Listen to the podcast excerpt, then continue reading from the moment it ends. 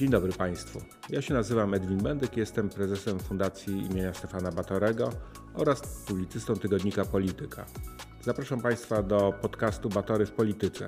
To cotygodniowe rozmowy o sprawach, którymi zajmuje się Fundacja Batorego. Czwórka prowadzących i cztery obszary tematyczne. Praworządność, społeczeństwo obywatelskie, władza centralna i samorządowa oraz ważne dla Polski wydarzenia w polityce zagranicznej. Nowy odcinek w każdą sobotę. Zapraszam.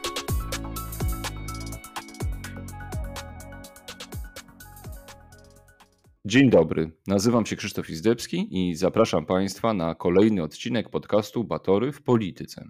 Tym razem, lub powinienem powiedzieć znów, bo temat niezwykle istotny, porozmawiamy o wyborach.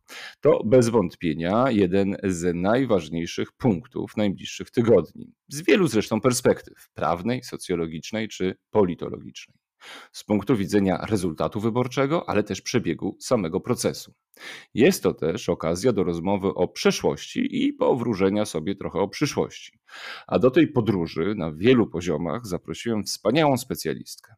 Profesor Magdalena Musiał-Kark, profesor nauk społecznych.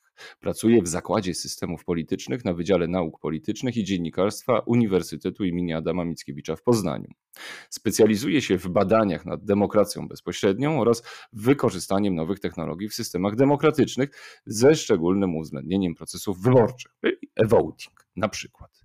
No i jeszcze prezeska Polskiego Towarzystwa Nauk Politycznych. Dzień dobry, witam serdecznie. Dzień dobry, witam serdecznie, bardzo mi miło.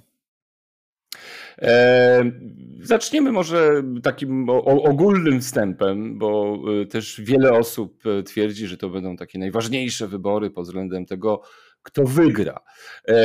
Ale czy te zbliżające się wybory parlamentarne są również w jakimś stopniu najważniejsze, czy najbardziej interesujące z punktu widzenia samego procesu wyborczego? A jeśli tak, to dlaczego uważasz e, właśnie, że no, czy sama jesteś jakby, e, pasjonujesz się tym procesem z tego, z tego punktu widzenia, ale co też to może ta istotność właśnie oznaczać dla samego procesu, też w kontekście może jakichś lekcji, które płyną z, tych, z tej kampanii wyborczej, czy właśnie z tego procesu?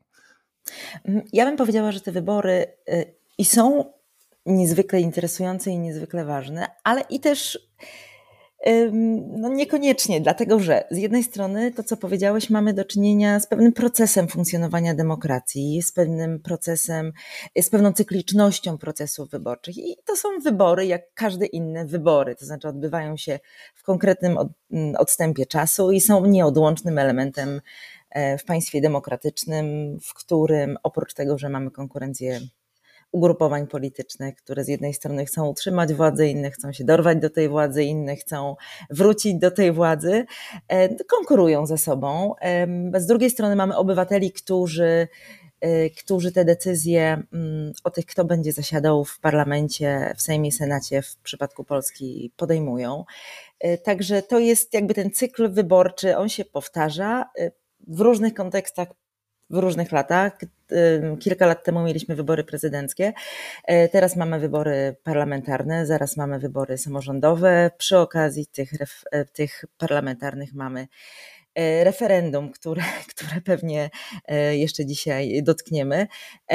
I, I z mojej perspektywy muszę powiedzieć, te wybory nie są tak super interesujące z punktu widzenia procesu wyborczego samego, dlatego że o wiele bardziej e, interesowały mnie wybory organizowane w czasie pandemii. Tam e, rzeczywiście ja, jako osoba zajmująca się jakby samym procesem wyborczym, ale również alternatywnymi metodami głosowania, no rzeczywiście byłam e, byłam mocno, mocno obserwująca, komentująca, analizująca szczególnie y, pierwszą próbę mm, wprowadzenia przez y, obóz rządzący tego wyłącznego głosowania korespondencyjnego. To się nie udało z oczywistych względów i, i, i, i na szczęście się nie udało.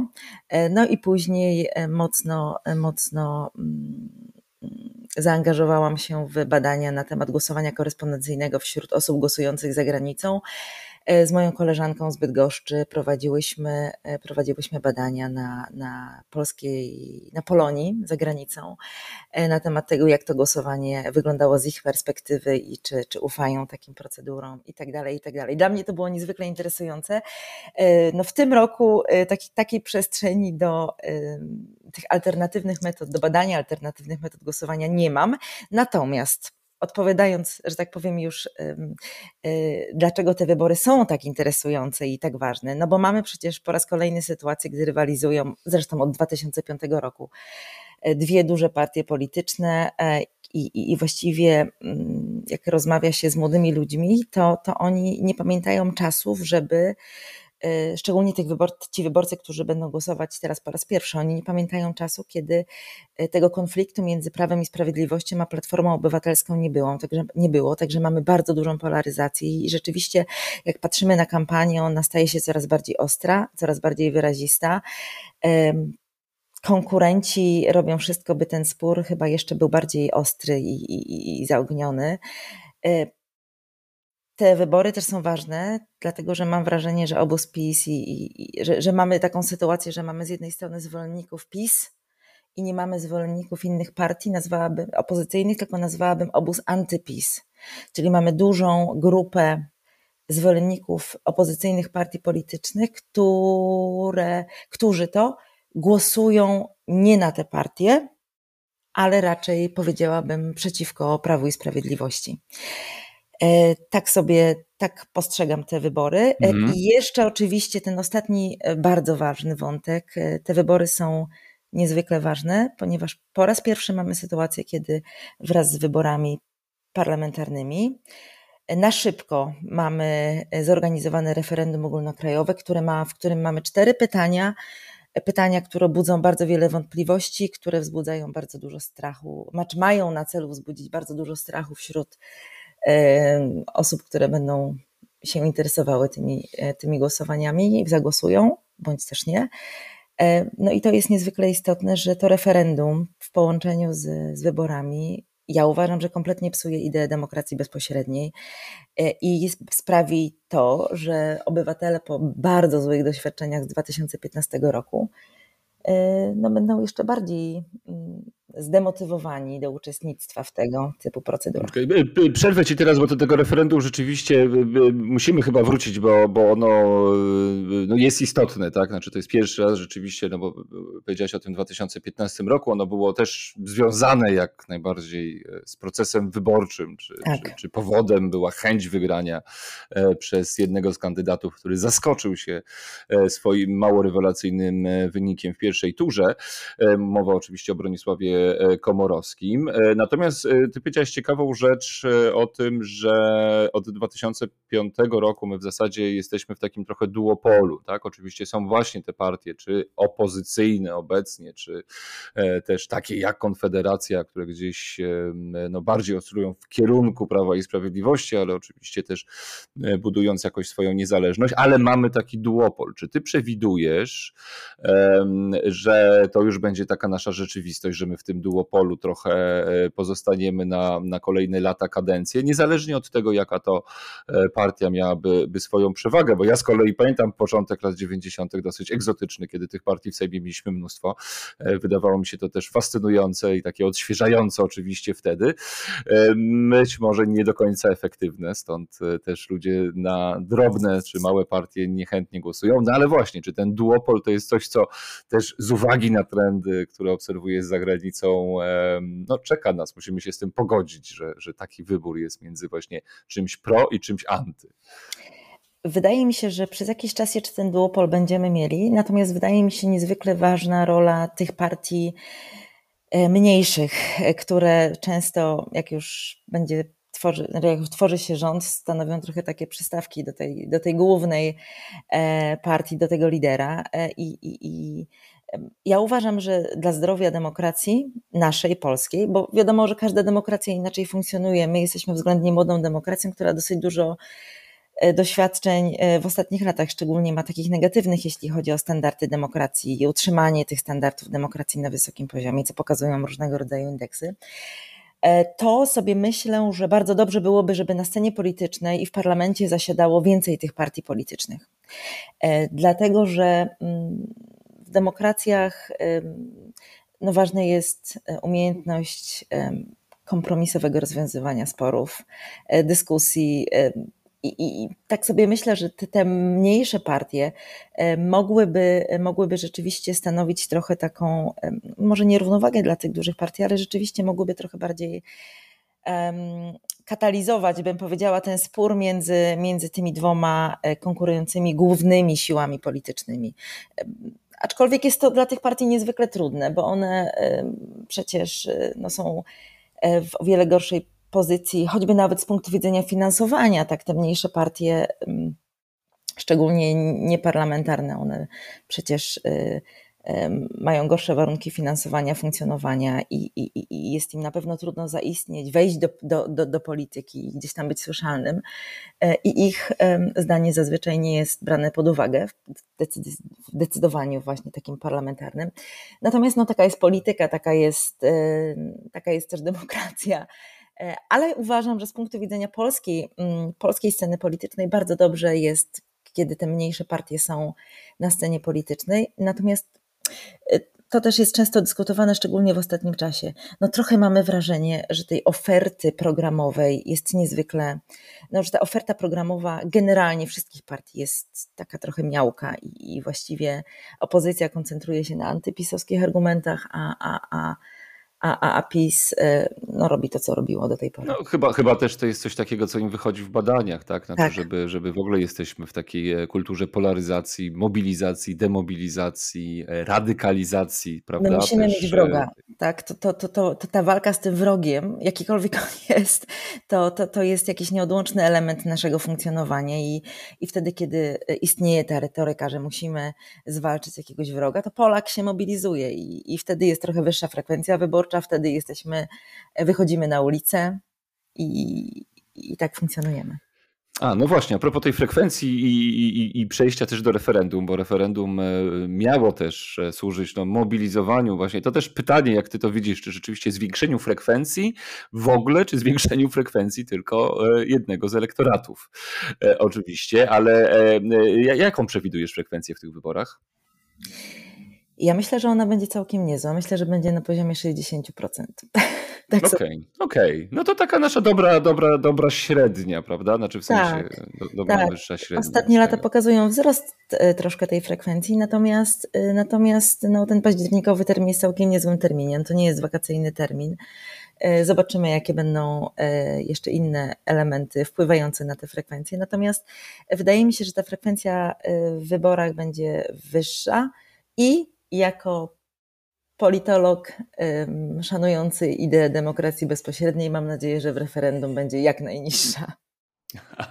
No właśnie, właśnie, no bo e, to, to referendum to też jest mój ból głowy, przyznam, bo od, od wielu lat też działam, piszę o, o, demokracji e, bezpośredniej, e, ale też trochę w innym wymiarze, zawsze rozmawiając o, o kwestii konsultacji publicznych, które na przykład odbywają się na, na poziomie samorządu lokalnego, to zawsze twierdziłem, że najgorsze, co można zrobić, to w, robić takie konsultacje fasadowe, znaczy dać ludziom takie przekonanie, że y, ich głos się liczy, ale w zasadzie już wszystko jest postanowione i lepiej już chyba w ogóle nie robić tych konsultacji, niż robić takie, które są po prostu rozczarowujące, wymagają jakiegoś wysiłku.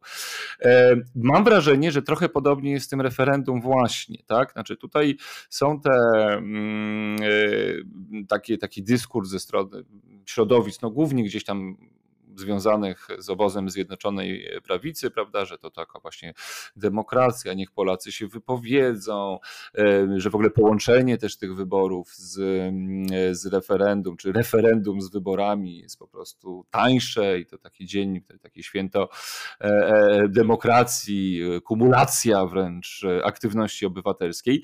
No ale w ogóle, czy te procesy demokratyczne da się przeliczyć na, na, na pieniądze? Czy to jest dobra praktyka, żeby to łączyć?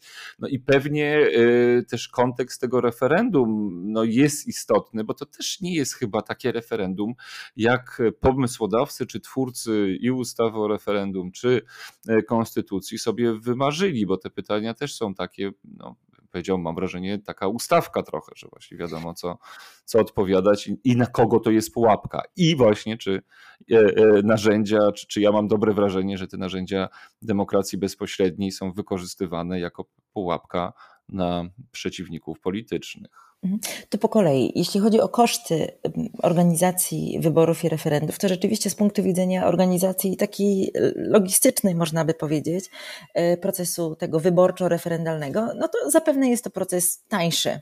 Natomiast e, z drugiej strony mamy proces, który odbywa się po drugiej stronie, czyli aktorów czy podmiotów politycznych i nie tylko, czyli tych, którzy uczestniczą w kampanii.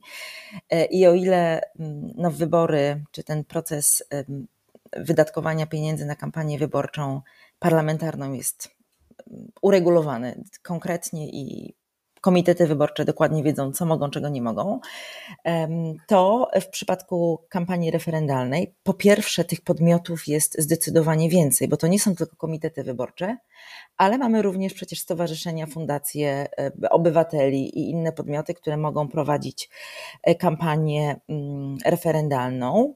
E, mm, Kwestie rozliczania tych wydatkowanych środków też są zupełnie inne, ponieważ e, są one o wiele bardziej liberalne i, i, i tutaj właściwie możemy mieć taką sytuację, kiedy e, właściwie podmioty będą wydawać nieograniczone pieniądze na, na kampanię referendalną. Mówiąc też o podmiotach, mam, mam Mam na myśli e, różnego rodzaju podmioty związane z obozem rządzącym, ponieważ inicjatorem tego referendum e, jest obóz rządzący.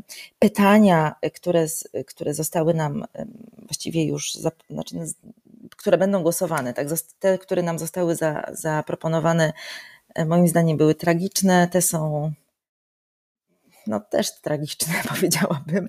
Natomiast no, są troszkę łagodniejsze, albo wygładzone.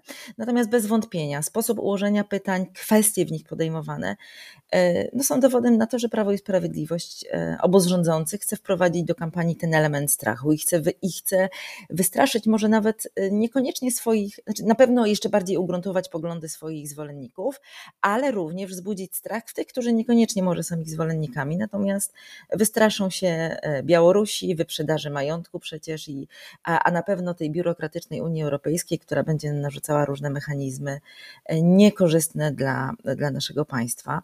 E, I to jest jakby ten, ten element strachu, emocjonalności tej kampanii wyborczej, a z drugiej strony jeszcze mamy e, przecież wagę tych spraw. To nie są kwestie szczególnie ważne dla naszego państwa.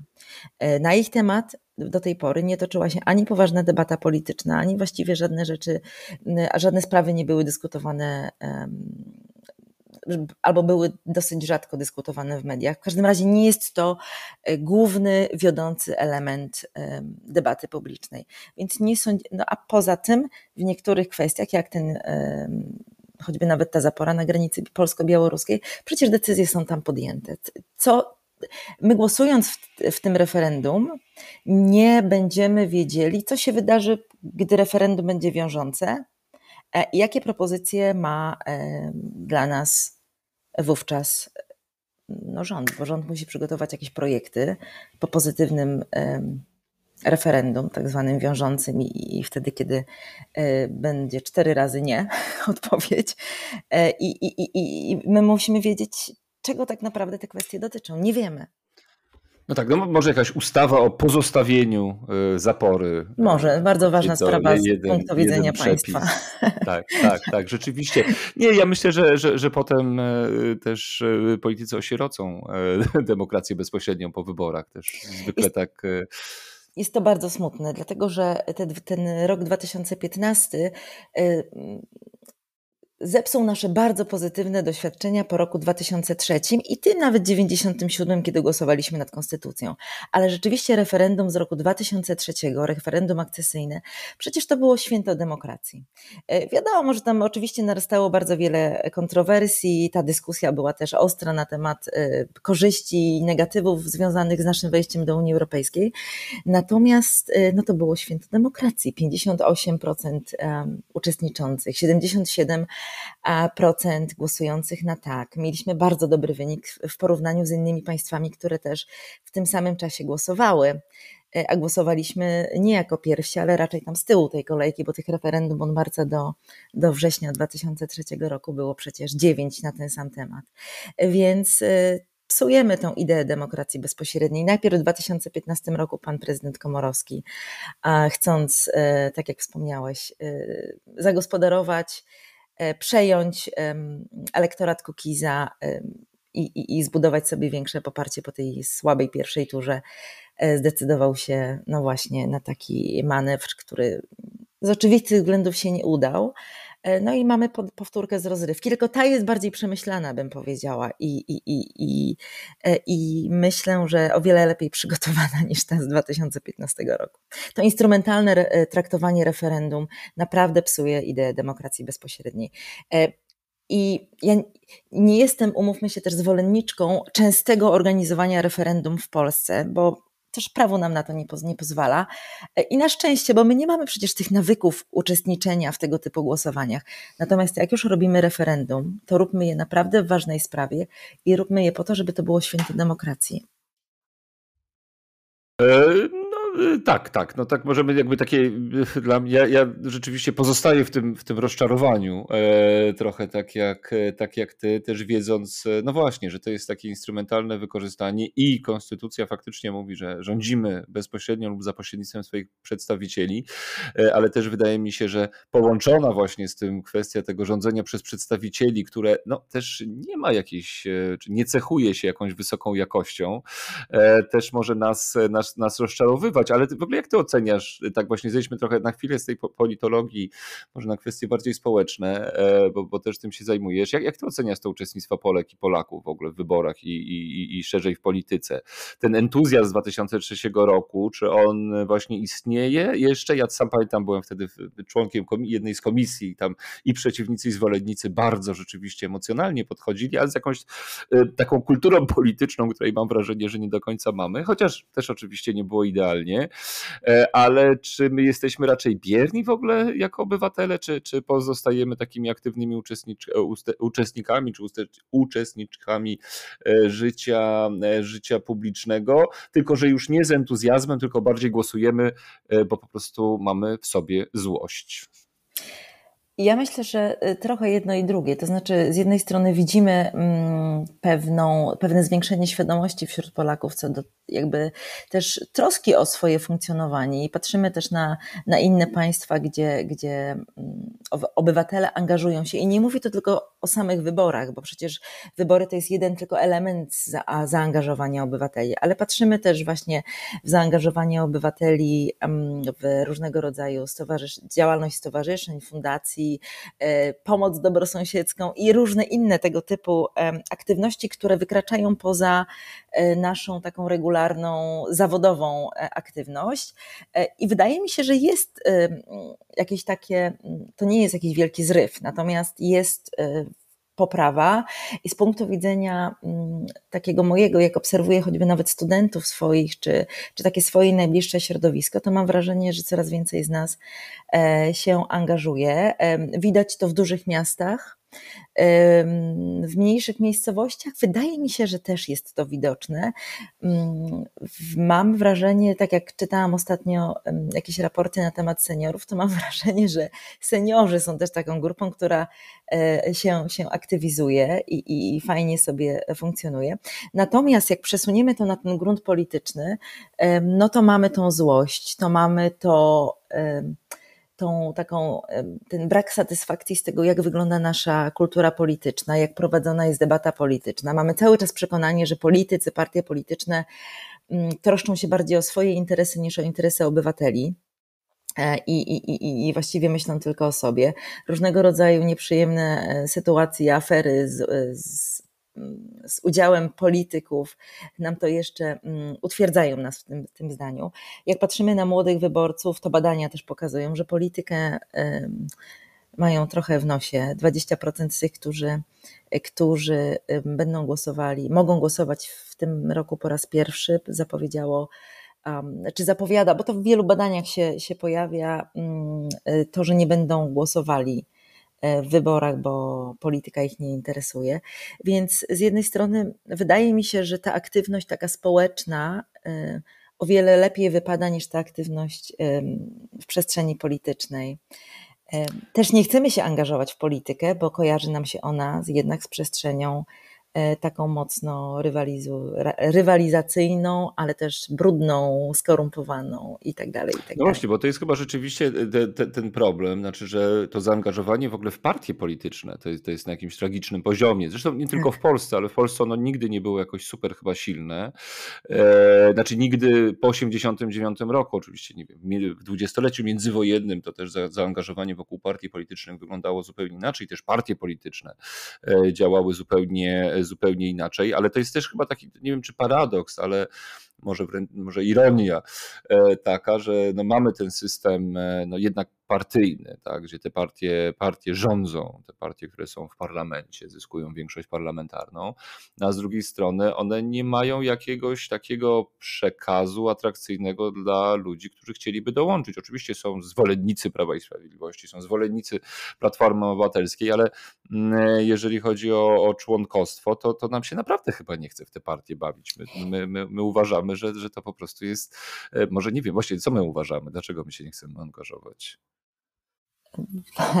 Dlaczego my się nie chcemy? My chyba nie ma, chyba nigdy w Polsce nie było, nie było takiego klimatu, który, który zachęcałby do e, zaangażowania się w partie polityczne. Była to pewna e, grupa ludzi, którzy zawsze e, byli zaangażowani właśnie w życie publiczne i to oni jakoś tak o wiele chętniej angażowali się w partie polityczne. Natomiast to, co powiedziałeś, partie polityczne dzisiaj, mimo tego, że mamy wszystkie te odłamy młodych, uczestników czy młodych mm, no, uczestników czy członków partii politycznych, tych ugrupowań, mimo tego, że mamy te, te, te, te sekcje młodzieżowe, no to one właściwie są takim e, elementem, który asystuje tym wszystkim doświadczonym dinozaurom, którzy są e, obecni na scenie politycznej, a raczej nie są wpuszczani do, do tej przestrzeni na tą głęboką wodę. I to pokazują też kampanie wyborcze. Zobaczmy, że właściwie teraz w kampaniach wyborczych nie ma młodych ludzi. Czy ja podejrzewam, że i jedna, i druga, i trzecia, i każda z tych partii politycznych w pewnym momencie wystawi młodzież, bo tak się odbywa. Tak? Są jakieś konwencje, pewnie będą i, i pojawią się i kobiety, i, i zaraz młodzi ludzie, żeby przyciągnąć też młody elektorat. Natomiast nie jest to e, stała mm, jakaś taka tendencja, która pokazuje, że jedna i druga czy trzecia partia poza konfederatami oczywiście, bo oni wysuwają, rzeczywiście mówią język, językiem młodych ludzi i trafiają e, do młodych ludzi. E, no, nie ma tej przestrzeni i to jest ten, ten powód. I, I dlatego też nawet studenci politologii nie bardzo chcą angażować się w tę przestrzeń. E, no właśnie, mówisz o Konfederacji Młodych Ludziach. E, też Konfederacja e, bardzo często, jak ja chodzę do, do, do Sejmu na przykład, to chyba nie do końca znalazło się w programie wyborczym Konfederacji, czy teraz jakoś się nie przywija w kampanii, ale Konfederaci bardzo często mówią właśnie, że no dlaczego my głosujemy w taki tradycyjny sposób, przecież możemy głosować elektronicznie, to zachęci młodych ludzi, no bo młodzi ludzie właśnie siedzą przed tymi ekranami, starzy też niestety, ja też czasami bardzo za dużo, więc e, ułatwimy e, korzystanie z praw wyborczych, właśnie wprowadzając system e, głosowania internetowego czy elektronicznego. To też nam się miesza, jakbym Ci mhm. prosił też, żebyś może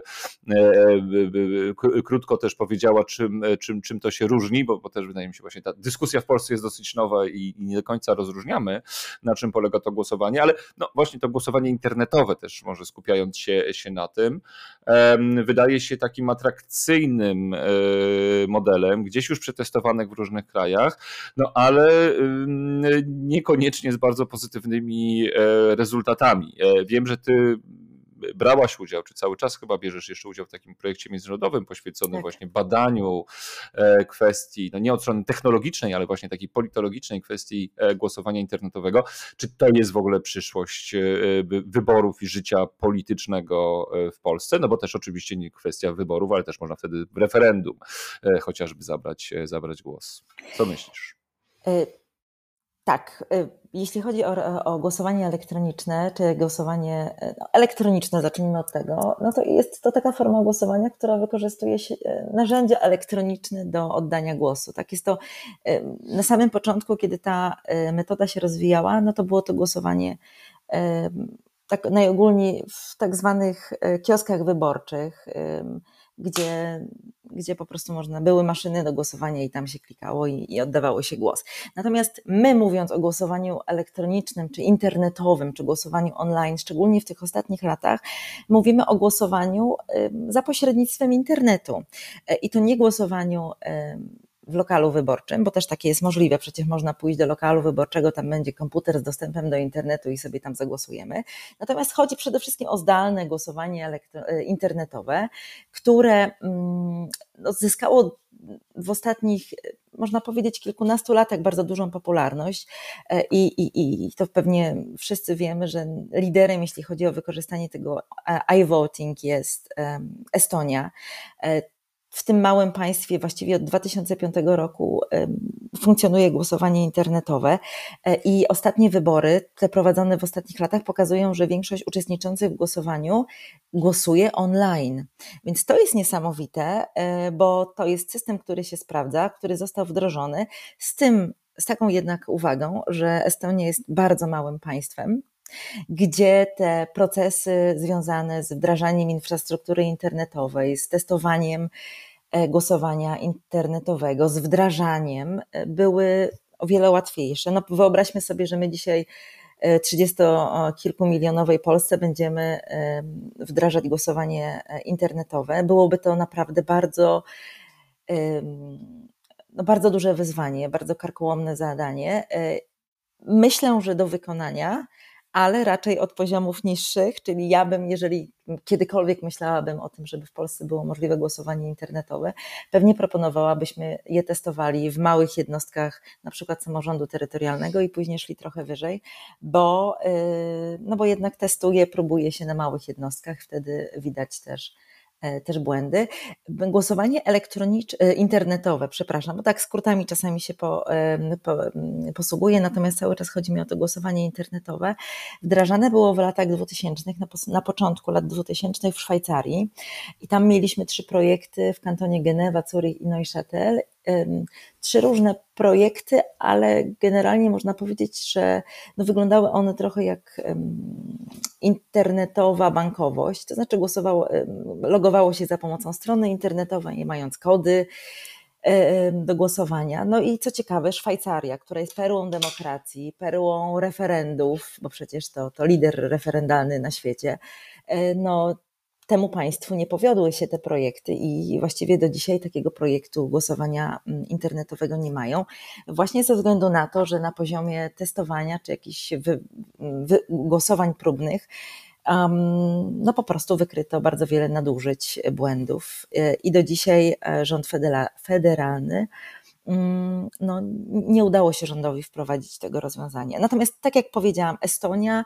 jest liderem i jeśli mielibyśmy mm, rozważać wprowadzenie e-votingu, e, to myślę, że Estonia mogłaby być dobrym wzorcem. Zresztą pamiętam, że tuż przed dymisją pani e, minister Anny Strażyńskiej, e, słuchałam kiedyś z nią wywiad w radio i ona zresztą mówiła o tym, że wdrażane są te elektroniczne dowody, które przecież mogą nam ułatwić kiedyś głosowanie e, on, online, e, takie jak na przykład w Estonii. E, aczkolwiek nie wiem, czy to byłby dobry system, bo, bo, bo w Estonii wykorzystują te elektroniczne dowody, natomiast w innych państwach może to być inny system. W 2011 roku pamiętam, że poseł nie pamiętam już z jakiej partii, ale chyba z ruchu Palikota, chociaż Wincenty Elsner w 2011 roku zorganizował konferencję, e, w którym tak, tak. uczestniczył, e, uczestniczyli przedstawiciele Kancelarii Federalnej z, ze Szwajcarii i specjaliści od e-votingu. Pamiętam, że profesor Robert Krimer, pracujący wówczas w Estonii, był na tej mm, konferencji i tytuł tej konferencji był po prostu bardzo mnie urzekł, ponieważ brzmiał głosowanie elektroniczne w Polsce damy radę. w 2011 roku. Tak, jak... No mam wrażenie, że, że akurat nie brano pod uwagę wtedy różnych takich początkowych doświadczeń i Estonii i Szwajcarii e, i trochę, trochę tym, nie wiem, Swiss albo Estonian Dream w Polsce zaczął obowiązywać.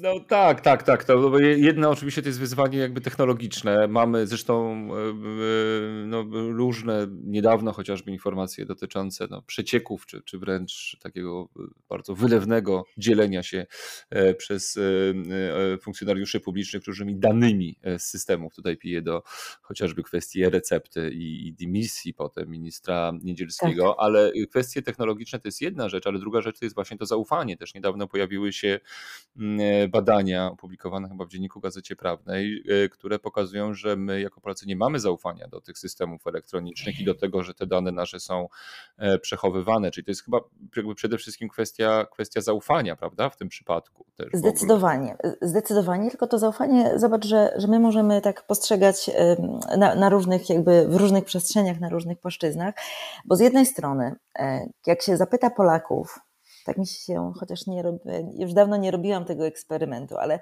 zdarzało mi się robić go kilka razy, kilka lat wcześniej. Jak zapytałam się w swoim środowisku, co jest ważniejsze, e, czy głosowanie, czy na przykład e, przelewanie pieniędzy, internet, e, czy, czy właśnie, czy, czy dysponowanie pieniędzmi, dużymi pieniędzmi, no to mówili, że no dla, dla naszego funkcjonowania takiego indywidualnego, no wiadomo, pieniądze. No ale czy przelewasz pieniądze internetem i duże kwoty, no przelewam, a zaufasz? No ufam, że się nic nie stanie.